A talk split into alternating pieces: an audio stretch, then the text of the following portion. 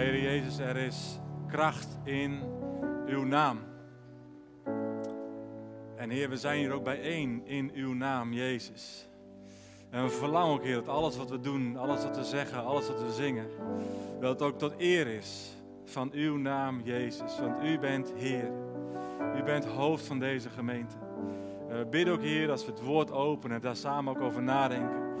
Dat dat ook dat eer van uw naam is, maar ook dat opbouw van uw lichaam, uw gemeente, ook hier plaatselijk in Groningen. Heer, daar bidden we uw leiding, uw zegen en de krachtige werking van uw geest over uit. In uw machtige naam, Jezus. Amen. Goedemorgen. Goedemorgen. Yes.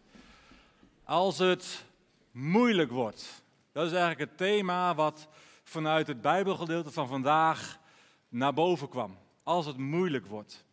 Uh, en het Bijbelgedeelte dat is hoofdstuk 3 van de eerste brief van Paulus, die veel brieven heeft geschreven in het Nieuwe Testament, aan de gemeente in Thessaloniki. Dat is een, een jonge gemeente op dat moment. Uh, Thessaloniki ligt in het huidige Griekenland. Um, en alleen al belangrijke context, altijd in het lezen van de Bijbel. Wie schrijft wat aan wie? Nou, Paulus schrijft deze brief aan een gemeente die hij zelf heeft gesticht. Een jonge gemeente nog, een gemeente onder druk. Maar wat ook belangrijk is om te beseffen, hij schrijft de brief aan de gemeente als geheel. Een valkuil, merk ik zo nu en dan, ook bij mezelf, van de tijd waarin wij nu leven, is dat we soms zomaar de neiging hebben om ons geloof eigenlijk te individualistisch in te vullen. Dat het in onze eigen persoonlijke levens misschien wel vooral draait om ons eigen persoonlijke geestelijke leven, onze eigen persoonlijke relatie met God. En die is belangrijk, die doet het toe en het is heel belangrijk om die vooral ook te voeden. Maar als ik kijk naar de Bijbel, zowel naar hoe dat ging onder het Joodse volk als ook onder de eerste gemeente in het Nieuwe Testament, in die eerste eeuw, dan zie je daar juist steeds de nadruk op het gezamenlijke geloof. Waarbinnen je eigen unieke geloof zijn plek mag hebben, maar dat het steeds de focus is op het gezamenlijk beleven van het geloof. Dus dit is de brief van Paulus aan een gemeente. Dus wat doe je als het moeilijk wordt? Ja, die breiden hem nog even uit. Wat doe je als gemeente als het moeilijk wordt? En dat is ook een relevante vraag voor ons als gemeente. Want de afgelopen twee seizoenen waren best moeilijk. Allereerst door corona, waardoor ja, het allerbelangrijkste wat je als gemeente kunt doen, elkaar ontmoeten, ja, zo enorm onder druk heeft gestaan.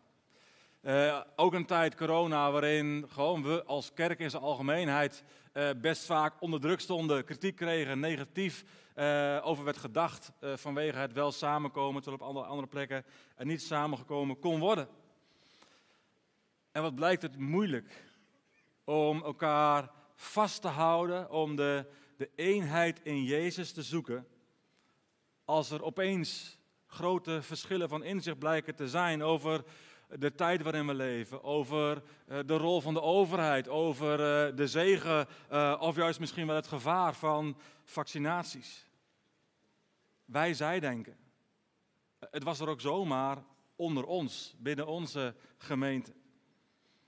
En dan nog het relatie-ethiek verhaal, waarin ja, uiteindelijk de, de eenheid van de gemeente ook zeker onder druk heeft gestaan. Waarin we verliezen hebben geleden. En waarin we de afgelopen tijd eerder onveiliger zijn geworden dan veiliger. En wat doe je dan als gemeente als het moeilijk wordt? En weet je, in de eerste eeuw was het heel normaal dat je als christen vervolgd werd. Dat is nog van een hele andere orde qua moeilijkheid zou je kunnen zeggen. Volgeling zijn in de tijd van Paulus, dat betekende ook letterlijk dat je bereid was om alles op te geven, zelfs je leven. En ten diepste zit het ook opgesloten in de doop die Jimmy straks zal ondergaan. De doop als uiteindelijk wel een ultieme overgave aan Jezus. Met hem sterven in het watergraf, om uiteindelijk ook met hem op te staan in dat nieuwe leven. Waarin we hem willen volgen als Heer van ons leven, wat het ook ons mag kosten. ook dat mogen we wel even weer terugpakken. Wat mag het ons eigenlijk kosten? Het volgen van Jezus in de tijd waarin wij leven. En Jezus volgen, dat doen we samen.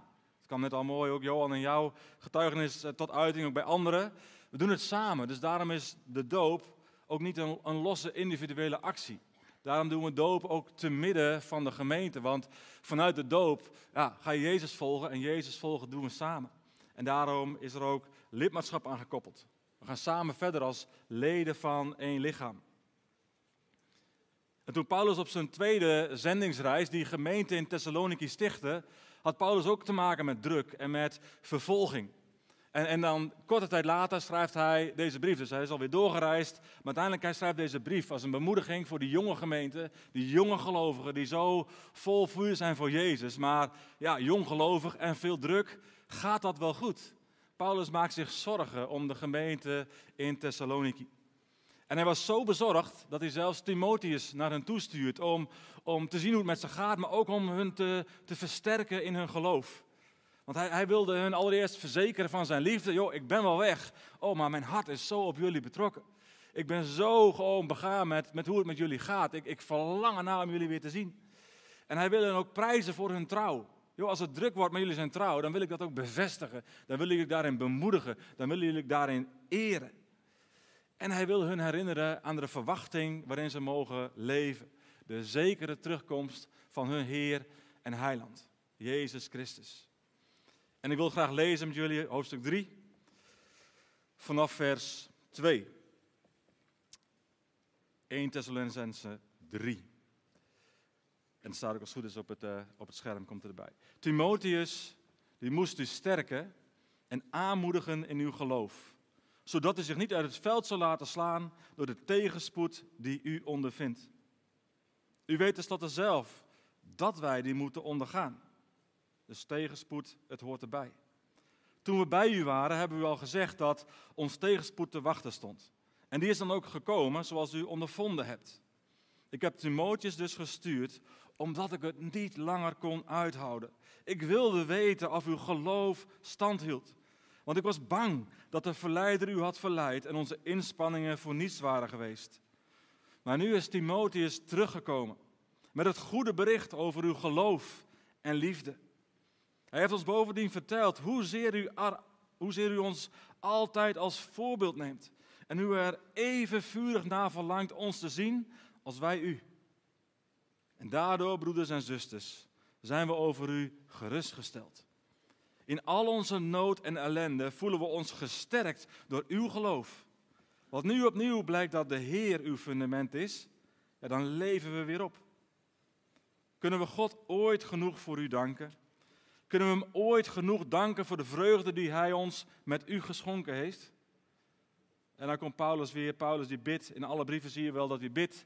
En als Paulus bidt, dan doet hij dat vurig. En als Paulus bidt, dan doet hij dat met hartstocht. Als Paulus bidt, dan doet hij dat vol overtuiging dat gebed het verschil maakt. Als Paulus bidt, dan bidt hij altijd voor dingen en niet tegen dingen. En dus is het altijd goed om te kijken, wat bidt Paulus dan voor een gemeente die het moeilijk heeft? Wij bidden. Wij bidden dag en nacht met volle overgave dat we u weer zullen zien. En kunnen aanvullen wat er nog aan uw geloof ontbreekt. Mogen God onze Vader en onze Heer Jezus ons pad naar u leiden. Mogen de Heer uw liefde voor elkaar en ieder ander groter maken. Zodat uw liefde even overvloedig wordt als onze liefde voor u. En mogen de Heer u door die liefde kracht geven, zodat u zuiver en heilig voor onze God en Vader zult staan, wanneer onze Heer Jezus komt met al de zijnen. Amen. Er is tegenspoed. Dat hebben ze al constant mee te maken als die kleine gemeente in Thessaloniki. Niet alles gaat vanzelf in de gemeente van Jezus. Toen niet en ook nu niet. Maar Timotheus, hij brengt goed nieuws.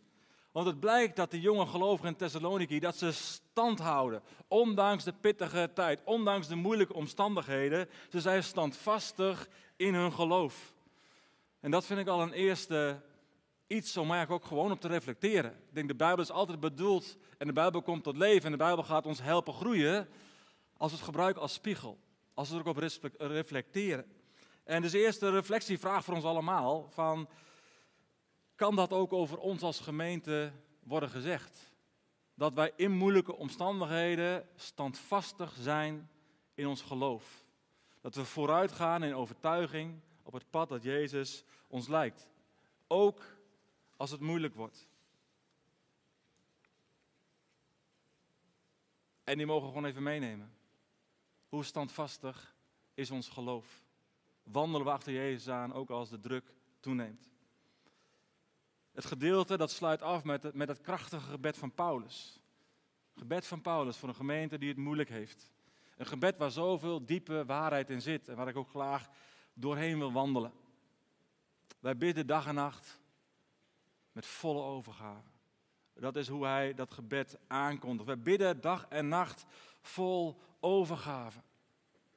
Ook dat mogen we op, ons laten inwerken. Ken je dat? Kennen we dat überhaupt? Individueel, maar ook als gemeente. Dag en nacht bidden, kennen we. Gaan we straks in het begin van het seizoen ook weer doen met It's Your Church, eerste weekend van september. Maar kennen we dag en nacht bidden met volle overgave? Kennen we bidden met volle overgave? Ken je het in je leven? Kennen we het als gemeente? Hebben we daar eigenlijk, als we heel eerlijk zijn, de afgelopen twee jaar niet wat in laten liggen? Dat we deels maar ook gewoon door zijn gegaan met goede moed, met, met, met wel degelijk het zoeken van de Heer, het zoeken van leiding. En toch, als ik terugkijk, denk ik, ik had meer kunnen bidden met volle overgave. Ik had meer kunnen oproepen om samen te bidden, binnen de leiding, maar met iedereen die het maar wil. Om te bidden vol overgave, juist als het moeilijk is. Bidden vol overgave, zoals er in de psalmen wordt gebeden, met kracht, met emotie, pleitend op Gods belofte. Ook daar mogen we weer in groeien als gemeente. Dat mogen we weer vastpakken. Vol overgave bidden. En misschien ken je het wel, maar is het veel te lang geleden dat je vol overgave hebt gebeden, hebt gepleit op de belofte van God. Zullen we, zullen we weer die biddende gemeente worden? Want zonder gebed wordt het zo ongelooflijk zwaar en wordt het soms zo ongelooflijk ingewikkeld. We hebben te bidden. En Paulus bidt. Paulus maakt het niet uit hoe zwaar het is, maakt het niet uit hoe moedig hij is, maakt het niet uit hoeveel tegenstand er is. Paulus bidt. Dat kun je in elke brief van hem zien. Door handelingen heen kun je het zien. Paulus is een bidder. En dat houdt hem op de been. En dat, dat blijft de koers helder doen zijn. En, en dat maakt dat hij zo'n bemoediging is voor zoveel gelovigen. Omdat ze weten, joh, maar er is altijd één iemand die voor ons bidt. En dat is Paulus. En, dat is Jezus als hoge priester die ook altijd voor ons pleit. Maar dat was pas later bekend, hè, de brief van de Hebreeën. Drie dingen waar Paulus voor bidt. En goed om ze alle drie gewoon even te zien. Hij bidt en heeft een vurig verlangen om hen te ontmoeten. En oh, ik zegen deze gemeente. Ik zegen al onze leden, al onze gasten met een vurig verlangen om elkaar te ontmoeten. Om gewoon, want de ontmoeting, daar draait het om. We, hebben elkaar nodig. Die elkaar teksten in het Nieuwe Testament, die zo belangrijk zijn, die alles zeggen over gemeente zijn. Elkaar teksten kun je eigenlijk alleen maar waarmaken in de ontmoeting. Ik zegen onszelf met een nieuw verlangen naar veel meer ontmoeting. In diensten, in activiteiten, in communities. Als dat straks naar de zomer gewoon weer gaat starten. Oh, dat we toch mogen verlangen naar ontmoeting. En bij Paulus wordt dat gebed verhoord tijdens zijn derde zendingsreis was vers 11. Maar vers 12, mogen de Heer uw liefde voor elkaar en uw liefde voor ieder ander groter maken. Zodat uw liefde even overvloedig wordt als onze liefde voor u. Ik vind het fascinerend. Wat wordt belangrijker als het moeilijk wordt? Wat wordt belangrijker als het tegenstand is? Wat wordt belangrijker als de gemeente onder druk staat? Niet als eerste een sterke wil. Niet als eerste het proclameren van allerlei waarheid. Niet als eerste een extra gebedsdienst. In zichzelf allemaal hele goede, belangrijke dingen. Begrijp me goed, dat moet je tegenwoordig bijna altijd bij zeggen, dat het wel belangrijk is. Maar nee, zegt Paulus. Als de druk toeneemt, dan heb je als gemeente vooral te groeien in liefde. Je kunt nooit zeggen, joh, nu is er genoeg liefde. daar, daar hoeven we niet meer verder in te groeien. Nee, we, we kunnen altijd groeien in liefde. Onze liefde zou voortdurend moeten groeien. En, en, dat kun je bij jezelf checken. Als jouw liefde, als je merkt dat, dat, dat jouw vermogen om lief te hebben eigenlijk al een tijd lang onveranderd is gebleven, neem daar geen genoegen mee. Breng het bij God. Bid van Heer, u al als onuitputtelijke bron van liefde, vul het in me aan. Wakker het in me aan, wek het in me op. Het is ook een vrucht van de geest, Heilige Geest. Plant meer liefde in mijn hart voor uw gemeente. Plant meer liefde in mijn hart voor mijn broeders en zusters. Plant meer liefde in mijn hart voor al die mensen die buiten zijn.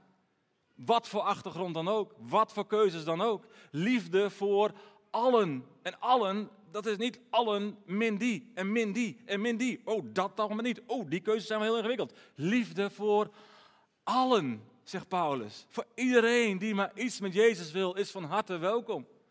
Want we zijn bedoeld om te groeien in liefde voor elkaar. En dat is soms al best ingewikkeld in een gemeente. En liefde voor allen. Onze hoofdopdracht, als we niet meer even scherp hadden. Onze hoofdopdracht is niet discipelen maken, wat je zou kunnen denken op basis van de grote opdracht. Dat speelt allemaal een rol. Maar uiteindelijk, discipelen maken is ook een vrucht van een toename in liefde. Want als ik meer lief heb, oh, dan verlang ik dat meer mensen datzelfde gaan ontdekken met Jezus. En hoe ontdek je dat? Door dicht bij Hem te leven, door Hem radicaal te gaan volgen. Je krijgt het beste leven wat te leven is. Maar het begint bij liefde. Het begint bij meer liefde. Dus ook als je toetreedt tot de gemeente, dan zegen ik jullie allereerst met heel veel liefde voor het lichaam van Jezus. Want in het lichaam van Jezus, we zijn ook mensen. We stellen elkaar teleur. We botsen soms, we doen soms domme dingen. We hebben het echt nodig om elkaar te vergeven en vergeving te vragen, want we zijn niet perfect. En toch zegen ik onszelf met meer liefde voor het lichaam van Jezus. En ik vind het zo mooi, Paulus bidt daarvoor. En je kunt gewoon in de volgende brief zien dat dat gebed verhoord is. In 2 Thessalonicenzen 1, vers 3, broeders en zusters, we, we, moeten God altijd voor u danken. Want er is gewoon zoveel te danken voor die gemeente. Halleluja. Het past ons dit te doen omdat uw geloof sterk groeit en uw liefde voor elkaar groter wordt. Dus wat Paulus als gebedspunt heeft in zijn eerste brief, is een dankpunt geworden in zijn tweede brief aan dezelfde gemeente. Het was geen loos gebed met, met een mond vol mooie woorden.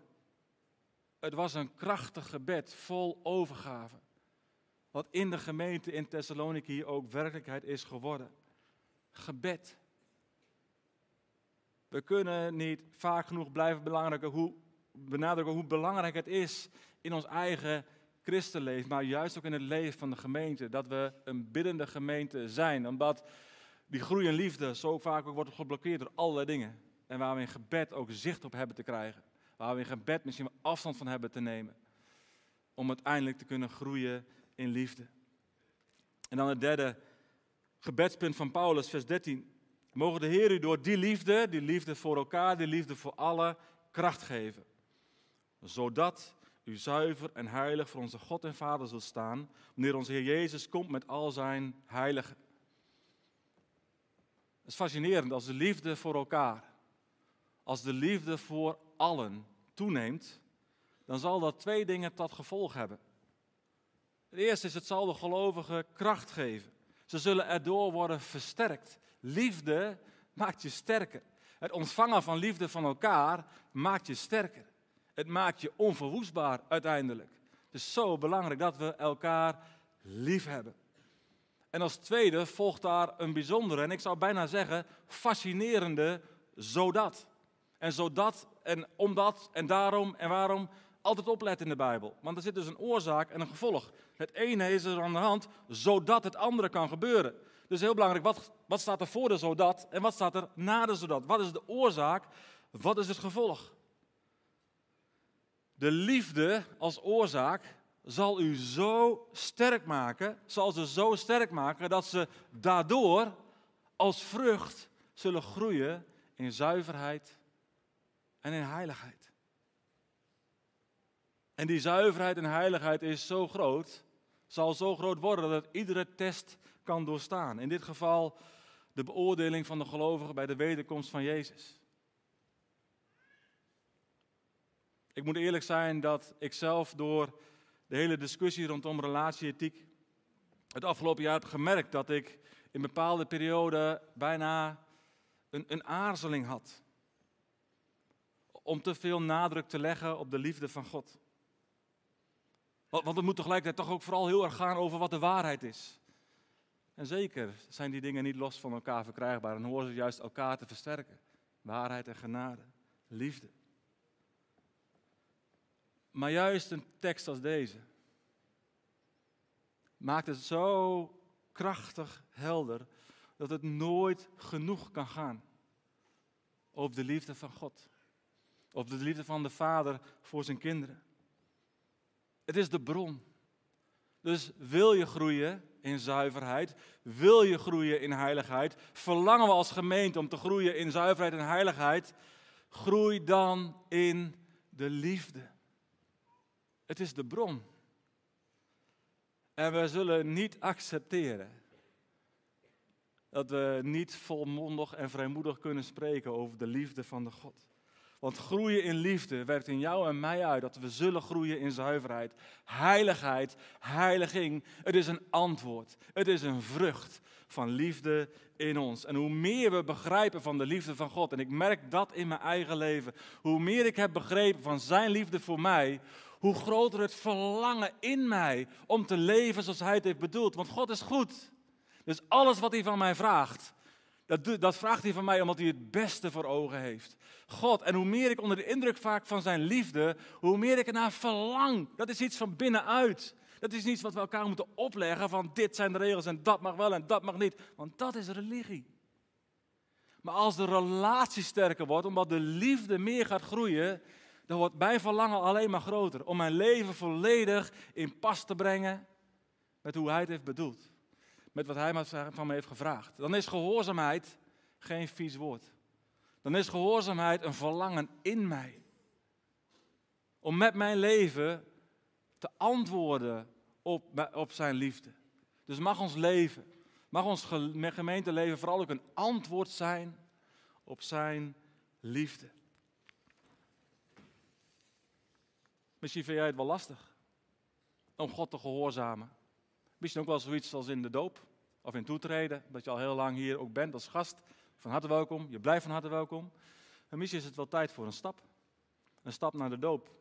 Of een stap naar lidmaatschap, om echt weer ook dat lidmaatschap actief vast te pakken als levende bouwsteen in de gemeente. En begrijp me goed, er zijn heel veel gasten die meer levende bouwsteen zijn in onze gemeente dan een deel van onze leden dus ik wil je daarin absoluut niet disqualificeren.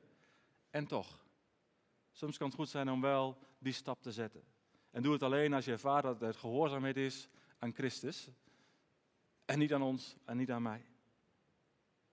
Maar als je het lastig vindt om God te gehoorzamen, op wat voor levensgebied dan ook, ja, bid dan allereerst dat jou begrijpen, dat jou ervaren, dat jou doorgronden van zijn liefde, dat dat als eerste zal groeien in leven.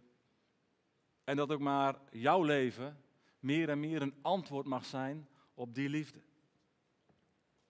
En de doop, de doop dat is niet alleen maar, is zeker niet alleen maar een symbolische handeling. Het is ook, ja, dat watergraf en het opstaan in een nieuw leven. Maar de doop is ook een uiting van liefde. Een uiting van liefde voor Jezus. Doop is ook een antwoord op genade. En tegelijkertijd is het volgens 1 Petrus 3, vers 21 ook een, een gebed om een zuiver geweten. Omdat de doop volgens Petrus ook staat voor die innerlijke reiniging. Het sterven met Christus. En van daaruit dat sterven met Christus beginnen met die schone lei. Een nieuwe start. Het weer opstaan met Christus in dat nieuwe leven. En wellicht zijn die mensen die nog voor de doop staan en die die nieuwe stad ook zo nodig hebben. Die het nodig hebben om gereinigd te worden. Die het nodig hebben om in dat nieuwe leven met Jezus te stappen. En dan leg ik die vraag bij je neer. eigenlijk niet. Ik roep je op. Laat je dopen. Als antwoord op zijn liefde voor jou. Amen. Laten we daar ook voor bidden. En misschien zit je hier wel en denk van ja, Jezus, Ik heb over hem gehoord, misschien ook wel via een van de dopen, of de, via Jimmy of een van de toetreders. Maar eigenlijk heb ik juist nooit die persoonlijke relatie met Jezus ben ik nooit aangegaan. Ik heb hem altijd op afstand gehouden. Ik geloof misschien wel, maar er is geen sprake van een persoonlijke relatie. Jo, dan wil ik je namens hem uitnodigen. Hij houdt van je. Zijn liefde stroomt ook naar jou. Heeft ook gestroomd voor jou aan het kruis van Golgotha. En jouw leven mag een antwoord zijn op die liefde. En misschien wil je vandaag wel een antwoord geven. Door zeggen, ja Heer Jezus, hier ben ik. En ik wil kiezen voor u. Ik wil leven voor u. Ik wil dat uw liefde mij volledig gaat vernieuwen en veranderen. Zullen we daarvoor bidden? En in het gebed is ook ruimte om daar een keuze in te maken. Door als we allemaal onze ogen sluiten, gewoon een kortje hand op te steken. Jezus, hier ben ik. En ja, ik wil met mijn leven antwoorden op uw liefde. Laten we bidden. Jezus, dank u wel. Dank u wel voor gewoon uw woord. Dank u wel voor zoveel wat we kunnen leven, leren uit het leven van Paulus. Hoe hij leefde, hoe hij u volgde, hoe hij bad, hoe hij betrokken was op gemeenteleven, hoe hij zo'n helder zicht had op waar het op aankomt. Heer, dan worden we bepaald bij liefde. En misschien, Heer Jezus, hebben we daar het afgelopen jaar wel wat in laten roven. En dan willen we dat terug in uw machtige naam, Jezus. Heer, als er schroom is gekomen om te veel nadruk te leggen op uw liefde. Dan bid ik dat u die schroom doorbreekt in uw machtige naam. En dat u ons opnieuw vrijmoedig maakt om vooral uw liefde heel erg groot te maken. En we weten dat u een verlangen hebt, Heer. Dat we groeien in zuiverheid. Dat we groeien in heiligheid. Maar ook hier zien we weer, Heer, dat liefde de bron is. Dat liefde de basis is. Dat het begint met een gezonde identiteit in u. Als uw geliefde zoon of dochter. Heer, u weet dat er mensen zijn die eigenlijk nog voor die stap staan om echt uw liefde te aanvaarden. Om echt in relatie met u te gaan leven. Om echt u radicaal te gaan volgen, Jezus. En als je weet dat het over jou gaat en je zegt, ja, maar ik wil vandaag wel een antwoord geven op de liefde van God. Misschien voor het eerst, misschien opnieuw, omdat je merkt, ik ben daar heel ver van afgedwaald de afgelopen tijd of jaren. Dan wil ik je uitnodigen namens God. Wil je je leven een antwoord laten zijn op zijn liefde? Wil je dat offer van Jezus voor jou accepteren als een uiting van liefde voor jou heel persoonlijk? Wil je hem volgen met alles wat in je is? En als dat voor jou geldt, en daar doe ik nog even de doop bij. Als je weet van ik sta nog voor die stap van doop. Wil jij ook je laten dopen als antwoord op zijn liefde? Als je weet, dit is een keuze die ik heb te maken en die ik graag wil maken, dan wil ik je uitnodigen om dit moment ook je hand op te steken naar God. Dan kan ik met je bidden, maar dan maak je die keuze voor Hem op dit moment. Dan markeer je die. Zijn er mensen die die keuze graag wil maken? Om te leven voor Jezus, om zijn offer te aanvaarden, of om te kiezen voor die stap naar de doop mag je je hand opsteken.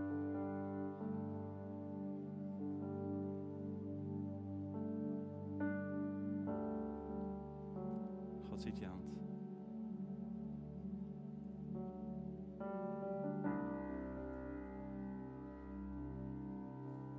Dank u Jezus voor deze zus die zegt ja, ik wil dat mijn leven een antwoord is op uw liefde. Zegen haar, vervul haar met uw geest. Reinig haar door de bloed Jezus en maak haar sterk in geloof. Heer, ik bid, vul ons allemaal met meer van uw liefde. Heer, vul ons als gemeente met meer van uw liefde. Dat we daar meer van gaan doorgronden. Dat we daar meer van gaan ervaren. Dat we er meer van gaan uitleven. Dat we groeien, Heer Jezus, alstublieft. In liefde voor elkaar. En dat we groeien in liefde voor allen. Amen.